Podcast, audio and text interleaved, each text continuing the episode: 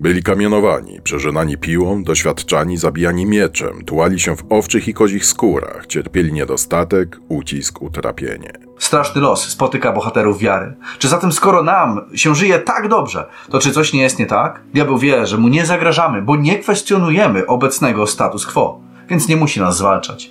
Co więc musi się stać, abyśmy i my przechodzili te utrapienia opisane w tym wersecie? Czy samo dostosowanie naszego życia do wymagań Bożych spowoduje taką falę nienawiści? Czy przez samo pobożne życie może tak się stać? No z jednej strony nie. Brakuje tutaj przecież elementu agresywnego głoszenia Ewangelii. Z drugiej jednak strony, choćby takie właśnie dos dostosowanie swojego życia do zasad Biblii może spowodować taką reakcję, ponieważ diabeł nienawidzi faktu, że ktoś wyrywa się z jego sideł. Jakby nie było, obecnie nie mamy ani jednego, ani drugiego. Ani nie ma prawdziwej, pierwotnej pobożności, ani nie ma ducha misyjnego. A czas przecież jest bliski.